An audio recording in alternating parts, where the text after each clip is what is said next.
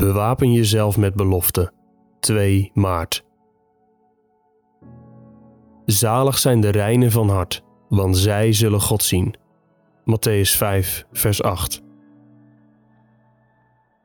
Als Paulus ons ertoe oproept om de werken van het vlees te doden door de geest, Romeinen 8, vers 13, moeten we dat volgens mij doen met het wapen uit de geestelijke wapenrusting dat bedoeld is om mee te doden. Het zwaard. Dat is het woord van God. Efeze 6, vers 17. Als het vlees dus op het punt staat om uit angst of vanuit een verkeerd verlangen te zondigen, nemen we het zwaard van de geest en doden we die angst of dat verlangen. Het is mijn ervaring dat je dat kunt doen door de wortel van de belofte van de zonde af te hakken met de kracht van een veel betere belofte.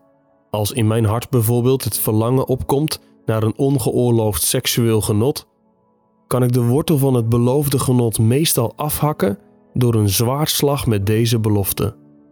Zalig zijn de reinen van hart, want zij zullen God zien.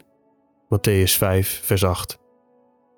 Ik breng mezelf in herinnering hoe groot de vreugde was die ik smaakte toen ik meer van God leerde kennen met een zuiver geweten.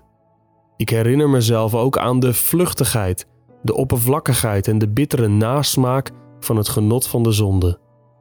Zo doodt God de overwinnende kracht van de zonde.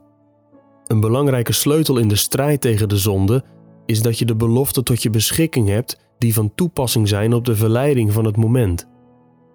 Maar er zijn tijden dat we niet direct een woord van God paraat hebben dat precies van toepassing is op de situatie. En dat we geen tijd hebben om de Bijbel door te bladeren voor een belofte op maat. We hebben dus een klein arsenaal aan algemene beloften nodig, die we direct kunnen gebruiken wanneer angst of verlangen ons op een dwaalspoor dreigen te brengen. Voeg voortdurend nieuwe beloften toe aan je arsenaal. Maar verlies de belofte die de Heere eerder in je leven gezegend heeft ook niet uit het oog. Doe het beide. Houd altijd de oude woorden in de aanslag. Maar zoek ook elke morgen naar nieuwe woorden waar je de dag mee door kunt.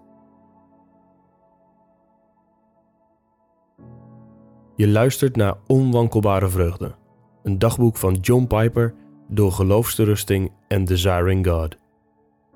Wil je meer luisteren, lezen of bekijken? Ga dan naar de website geloofsterusting.nl.